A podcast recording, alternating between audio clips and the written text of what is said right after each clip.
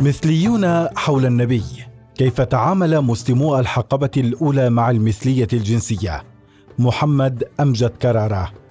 وصلتنا مجموعة من الروايات والقصص المذكورة في عدد ليس بالقليل من كتب التراث حول المثلية الجنسية التي تعارض في مضمونها وسردياتها ما اتفق عليه كتب الفقه وبعض أحاديث السيرة. فكل ما نعرفه عن المثلية في شبه الجزيرة العربية هو بعض الأقاصيص والأشعار في فترة الحكم العباسي وقليل جدا ما نسمعه عن أحوال وقصص مخنثين كما كانوا يلقبون في فترة صدر الإسلام أو الجاهلية قبلها. كذلك كل ما انتهى إلينا من روايات حول المثلية الجنسية حمل وتيرتين متناقضتين الأولى فيها نوع من الرأفة والتسامح أما الثانية وهي الأشهر فامتلأت رفضا وتنديدا شديدا تجاه المثلية والمثليين. ولنتعامل مع تلك النصوص المتناقضة بغض النظر عن مدى مصداقية بعضها وضعف الأخرى. سنستعرض هنا الرؤيتين وندع للقارئ الحكم. الجانب الأول تدور بعض الروايات حول معرفة المسلمين الأوائل بالمثلية الجنسية وتسامحهم مع المثليين في عصر صدر الإسلام على مرأى ومسمع من النبي محمد صلى الله عليه وسلم وكان يطلق عليهم لفظ مخنث وهو اللفظ المرادف وقتها لمثلي الجنس. يذكر كتاب جمهرة اللغة لأبي بكر بن حسن الأزدي أن المخنث هو من كان يتكسر في كلامه ومشيته كالنساء ويقول الحافظ المنذري المخنث بفتح النون وكسرها من فيه انخناث وهو التكسر والتثني كما تفعل النساء. يروي لنا ابن حجر العسقلاني في كتابه فتح الباري. أنه كان في عهد النبي صلى الله عليه وسلم ثلاثة مخنثين هم هيت وماتع وهرم. وفي كتاب شرح آمال القالي لأبي عبيد البكري نقرأ كان في المدينة ثلاثة من المخنثين يدخلون على النساء فلا يحتجبن. يدل ذلك على أن هؤلاء المخنثين الثلاثة كانوا يدخلون على نساء المسلمين في غياب رجالهم فلا تحتجب النسوة فقد عدهم المسلمون الأوائل في حكم أولي الإربة أو ما ملكت أيمانهن أو التبعيين غير أولي الإربة من الرجال وهم الذين لا تثيرهم شهوة تجاه النساء. بل نجد أن هؤلاء المخنثين الثلاثة كانوا يدخلون على نساء النبي ويجالسونهن فيذكر البارودي في كتابه الصحابة أن عائشة رضي الله عنها قالت لمخنث يعيش بالمدينة اسمه آنا ألا تدلنا على امرأة نخطبها لعبد الرحمن بن أبي بكر تعزز تلك الرواية أيضا نظرية أن المخنثين كانوا يدخلون على النساء دون أن تحتجب عنهم إحداهن وبرغم نزول أمر احتجاب نساء النبي في القرآن إلا أنهن لم يحتجبن عن هؤلاء. ذلك لأنهن عددنهن من أولي الإربة فليست لهم رغبة في النساء برغم وجود رواية بمدلول آخر.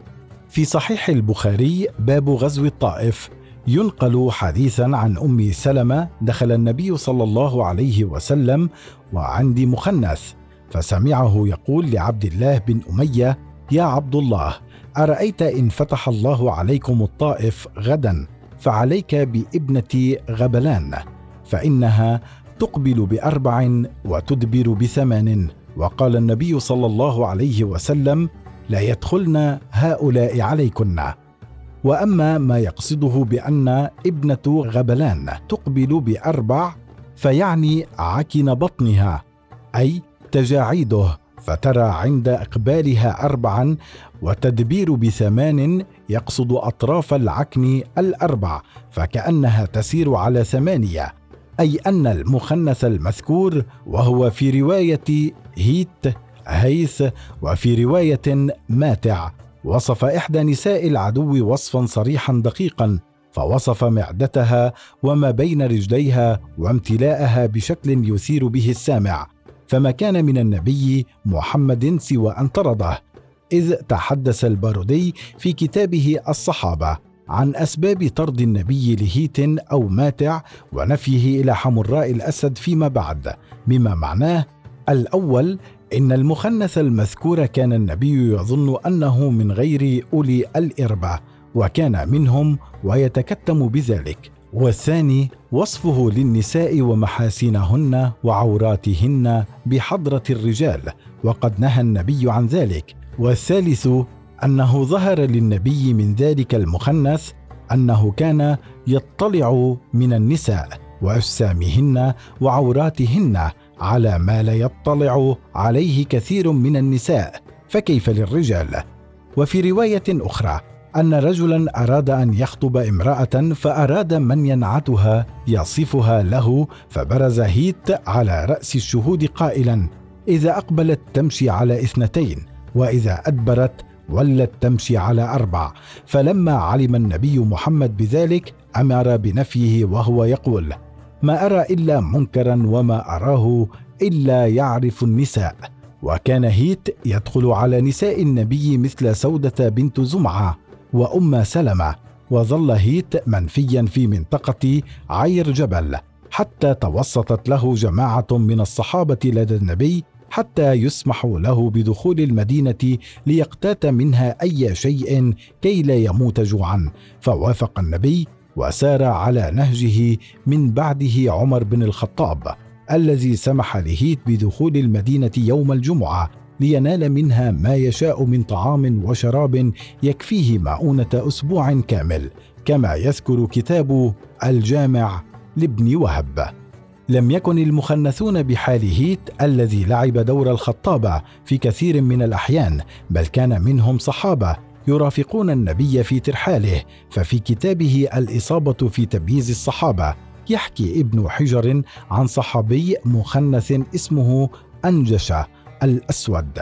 كان للنبي صلى الله عليه وسلم حاد حسن الصوت يقال له انجشه الأسود. فيروي الإمام البخاري في صحيحه كان أنجشة يحدو بالنساء فإذا أعنقت الإبل يقول له النبي يا أنجشة رويدك سوقا بالقوارير أي لا تسرع بالإبل التي تركبها نساء النبي. لم تكن المثلية أو الممارسات الجندرية المتنوعة امرا طارئا على مجتمع المسلمين الأوائل بل هو أمر معروف قبل الإسلام حتى أن هناك من كان يمارس الأبنة الجنس الشرجي برغم زواجه وإنجابه مثل عمرو بن هشام الشهير بأبي جهل والذي كان يصفر استه يدهنها بالزعفران ليبرزها لعبيده حين يطؤونه وكان امرا معروفا عنه إذ يذكر أبو فضل الميداني في كتابه مجمع الأمثال مقولة اشتهرت عن أبي جهل وهي أخنث من مصفر استه والإست هي المؤخرة فيقول إنهم كانوا يعنون بهذا المثل أبا جهل بن هشام وقد كان يطليها بالزعفران تطيبا لمن كان يعلوه ولذلك قال فيه عتبة بن ربيعة وفي نسخة عتبة بن مسعود سيعلم مصفر استه اينا ينتفخ سحره. والواضح من الرواية أنها كانت صفة لصيقة بأبي جهل ولو كانت تهمة لحاول الرد ودفعها عنه ولكن لم يحدث ذلك. فتلك الروايات تمنحها قراءة مغايرة لتاريخ المسلمين الأوائل حول قضية المثلية الجنسية وكم التسامح الظاهر من قبل النبي وصحابته معها ومع المثليين. واللافت أن تلك القراءة دفعت العديد من المفسرين والمفكرين فيما بعد إلى تفسير مواضع آيات الجنة ونعيمها على أنها تتضمن حياة مثلية لمن تعفف في الدنيا. وأبرز هؤلاء جلال كشك في كتابه خواطر مسلم في المسألة الجنسية والذي عرج على آيات سورة الطور ويطوف عليهم غلمان لهم كأنهم لؤلؤ مكنون. قائلا بل من حقنا أن نفسر قوله تعالى غلمان لهم بأنهم غلمانهم في الدنيا. الذين عفوا وتأثموا وصانوهم عن الفاحشة فاجتمعوا في الجنة في خلود دائم للحظة الرغبة التي كبحت بالتدين.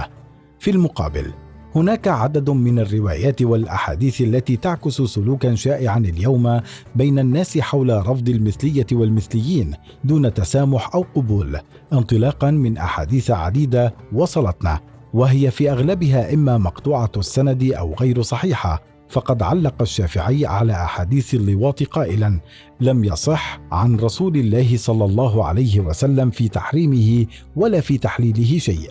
ومن تلك الأحاديث من وجدتموه يعمل عمل قوم لوط فاقتلوا الفاعل والمفعول به. وفي حديث آخر إذا ركب الذكر على الذكر اهتز عرش الرحمن. وأما في السحاق فنسبت إلى النبي أحاديث من قبيل. السحاق زنا النساء بينهن. وحديث آخر إذا أتى الرجل الرجل فهما زانيان. وإذا أتت المرأة المرأة فهما زانيتان.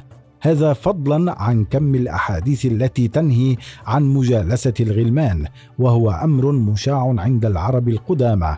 فعن أبي هريرة أنه قال نهى رسول الله صلى الله عليه وسلم أن يحد الرجل النظر إلى الغلام الأمرد ولكن برغم وجود تلك الأحاديث ونسبتها إلى النبي لا يوجد حكم متفق عليه بين الفقهاء في حق المثليين. لذا اقتفوا أثر الخلفاء الأوائل عبر قصص لا يعرف مصدرها كذلك. يذكر الشوكاني في السيل الجرار قد قتل اللوطي في زمن الخلفاء الراشدين واجمعوا على ذلك ولا يضر اختلاف صفة القتل. وذهب إلى ذلك جماعة من العلماء. وفي رواية أخرى أن خالد ابن الوليد كتب إلى أبي بكر الصديق أنه وجد لوطيا فاستشار الخليفة الأول صحابة النبي فكان رد علي بن أبي طالب أشدهم إذ قال ما فعل هذا إلا أمة من الأمم واحدة وقد علمتم ما فعل الله بها أرى أن يحرق بالنار فأمر أبو بكر الصديق خالدا بحرقه. وبناء على القصة السابقة يذكر ابن القيم الجوزية الاختلاف بين الفقهاء في تلك المسألة. ذهب أبو بكر الصديق وعلي بن أبي طالب وخالد بن الوليد وعبد الله بن الزبير وعبد الله بن عباس وخالد بن زيد وعبد الله بن معمر والزهري والربيعة وبن أبي عبد الرحمن ومالك وإسحاق بن رهوية والإمام أحمد في أصح الروايتين عنه والشافعي في أحد قوليه. إلى أن عقوبته يقصد اللواط أغلظ من عقوبة الزنا وعقوبته القتل على كل حال محصنا كان أو غير محصن. وذهب عطاء بن أبي رباح والحسن البصري وسعيد بن المسيب وإبراهيم النخعي وقتادة الأوزاعي والشافعي في ظاهر مذهبه والإمام أحمد في الرواية الثانية عنه وأبو يوسف إلى أن عقوبته وعقوبة الزاني سواء يقصد الجلد وذهب الحاكم والإمام أبو حنيفة إلى أن عقوبته دون عقوبة الزاني وهي التعزير. قالوا لأنه معصية من المعاصي لم يقدر الله ولا رسوله فيه حدا مقدرا.